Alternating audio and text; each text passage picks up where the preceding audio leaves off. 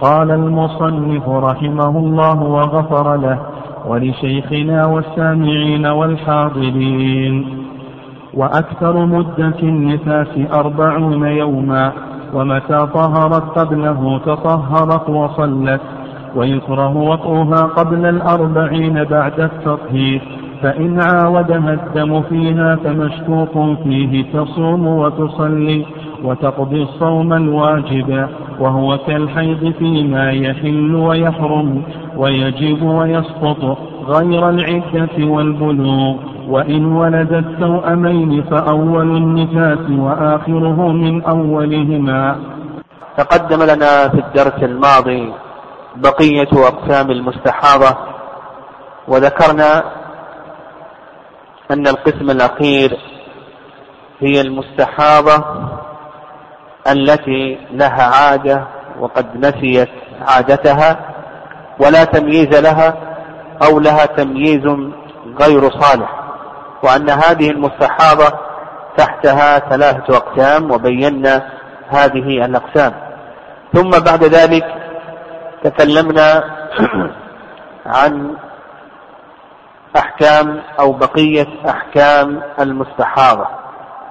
فمن ذلك ما يتعلق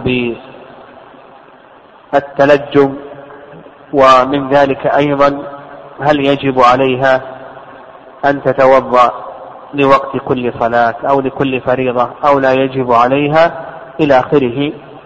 ومثل ذلك من حدثه دائم. وهل توطأ المستحاضة أو لا توطأ؟ وكذلك أيضا هل تجب الكفارة بوطئها إلى آخره؟ وهل يشرع لها أن تغتسل؟ هل يجب عليها أن تغتسل أو يستحب لها أن تغتسل لوقت كل صلاة إلى آخره؟ ثم بعد ذلك تكلمنا عن عن دم النفاس. وعرفنا النفاس وذكرنا ما يتعلق بالدم الخارج مع المرأة أثناء النفاس وأنه لا يخلو من ثلاثة أقسام وبينا حكم كل قسم. وكذلك أيضا ما يتعلق بمدة النفاس وأن المؤلف رحمه الله ذهب إلى أن مدة النفاس أربعون يوما وأن الشافعية والمالكية يقولون بأن مدة النفاس ستون يوما. وذكرنا أن الأقرب هو ما ذهب إليه المؤلف رحمه الله وهو الوارد عن الصحابة رضي الله تعالى عنهم وكذلك أيضا الأطباء في الوقت الحاضر يقولون بأن النفاس السوي هو ستة أسابيع. قال المؤلف رحمه الله تعالى وهو أي النفاس. كالحيض فيما يحل. يعني أن دم النفاس يوافق دم الحيض في بعض الأحكام ويخالفه في بعض الأحكام. ويدل لهذا أن أم سلمة رضي الله تعالى عنها لما حاضت وهي مع النبي صلى الله عليه وسلم في الفراش قال النبي صلى الله عليه وسلم أنا تفتي فسمى النبي صلى الله عليه وسلم دم الحيض سماه نفاسا فيقول لك المؤلف رحمه الله إن دم النفاس يتوافق مع دم الحيض في بعض الأحكام ويختلف معه في بعض الأحكام. ما هي الأحكام التي يتوافق فيها الدمان؟ قال لك فيما يحل. هذا الحكم الأول فيما يتوافق فيه الدمان دم النفاس ودم الحيض. يتوافقان فيما يحل. فيحل للرجل من زوجته أن يستمتع منها دون الوقت في الفرج كما سبق لنا. حديث أنس أن النبي صلى الله عليه وسلم قال اصنعوا كل شيء إلا النكاح. فكذلك أيضا النفس يحل لزوجها أن يستمتع منها دون الوقت في الفرج. قال ويحرم. هذا الحكم الثاني. أيضا يتفقان فيما يحرم. فيحرم وصف الحائض. كذلك أيضا يحرم وصف النفس. كذلك أيضا يحرم على الحائض أن تصوم. كذلك أيضا النفس يحرم عليها أن تصوم. يحرم على الحائض أن تصلي. كذلك أيضا النفس يحرم عليها أن تصلي.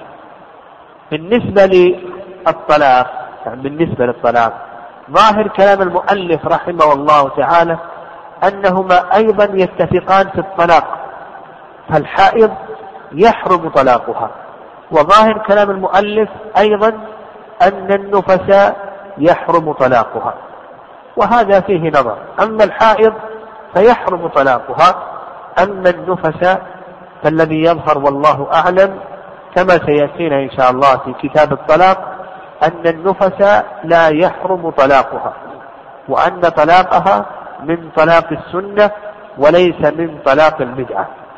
هذا هو الحكم الثاني فيما يتفقان فيه فيما يحرم. قال ويجب هذا الحكم الثالث يتفقان فيما يجب.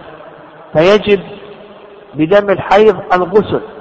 كذلك أيضا يجب بدم النفاس الغسل. يجب بوطء الحائض كفارة. كذلك أيضا النفس يجب بوطئها كفارة. قال المؤلف ويسقط. هذا الحكم الرابع. فيما يتفقان فيه فيما يسقط فالحائض تسقط عنها الصلاة لا تجب عليها الصلاة إلا كما سلف. كذلك أيضا النفس نعم كذلك أيضا النفس تسقط عنها الصلاة. طيب قال المؤلف رحمه الله غير العدة والبلوغ.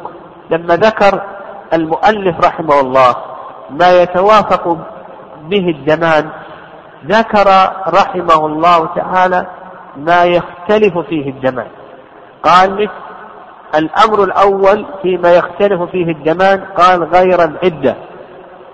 فدم الحيض يعتبر في العدة. يعني إذا طلقت المرأة إذا طلقت المرأة فإنها إذا كانت تحيض تحيض ثلاث حيض.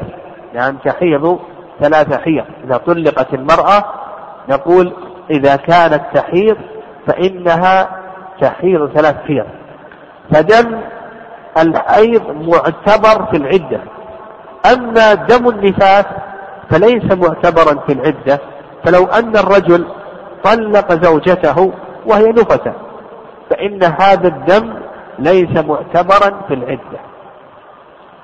لو طلقها وهي حامل عدتها وضع الحمل لكن لو طلقها وهي نفسة فنقول بأن هذا الدم ليس معتبرا في العدة يجب عليها أن تحيض ثلاثة قروء هذا الفرق الأول. الفرق الأول أن دم الحيض معتبر في العدة أما دم دم النفاس فليس معتبرا. الفرق الثاني قال لك والبلوغ. هذا الفرق الثاني. فدم الحيض معتبر في البلوغ يعني أنه علامة من علامات البلوغ. فإذا حاضت الجارية عرفنا أنها بلغت وترتب عليها أحكام البالغات. أما دم النفاس فإنه لا يعتبر في البلوغ.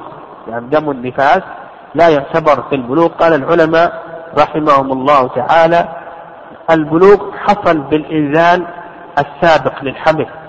البلوغ حصل بالإنزال السابق للحمل.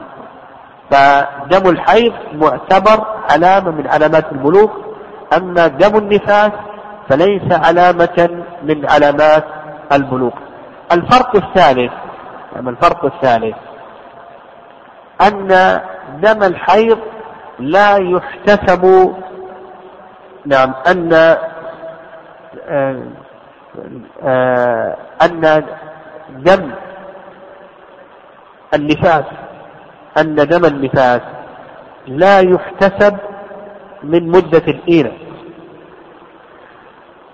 أن دم النفاس لا يحتسب من مدة الإيلاء بخلاف دم الحيض فإنه يحتسب من مدة الإيلاء والإيلاء هذا سيأتينا إن شاء الله أحكامه. وصورته باختصار إذا حلف الرجل إذا حلف الرجل ألا يطأ زوجته أبدا أو مدة تزيد على أربعة أشهر. فهذا مولي يسمى مولي. نضرب له مدة أربعة أشهر. نضرب له مدة أربعة أشهر.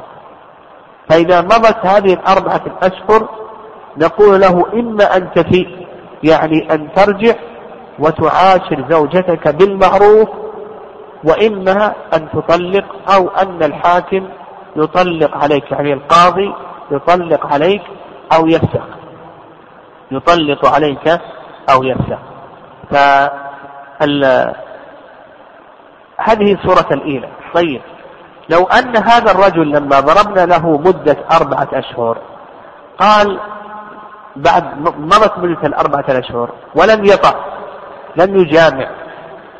قلنا له إما أن تفي تجامع وإلا تطلق وإلا سيطلق عليك القاضي أو يفسق. قال هذا الرجل المرأة كانت نفسا مدة أربعين يوما حتى الآن بقي أربعون يوما لأن خلال أربعة أشهر كانت نفسا. فهذه مدة النفاس هل هي محسوبة عليه وليست محسوبة عليه؟ نقول بأن مدة النفاس ليست محسوبة عليه. فنضيف إلى هذه الأربعة أربعين يوما. أما بالنسبة لمدة الحيض فإنها محسوبة عليه لأن مدة الحيض معتادة.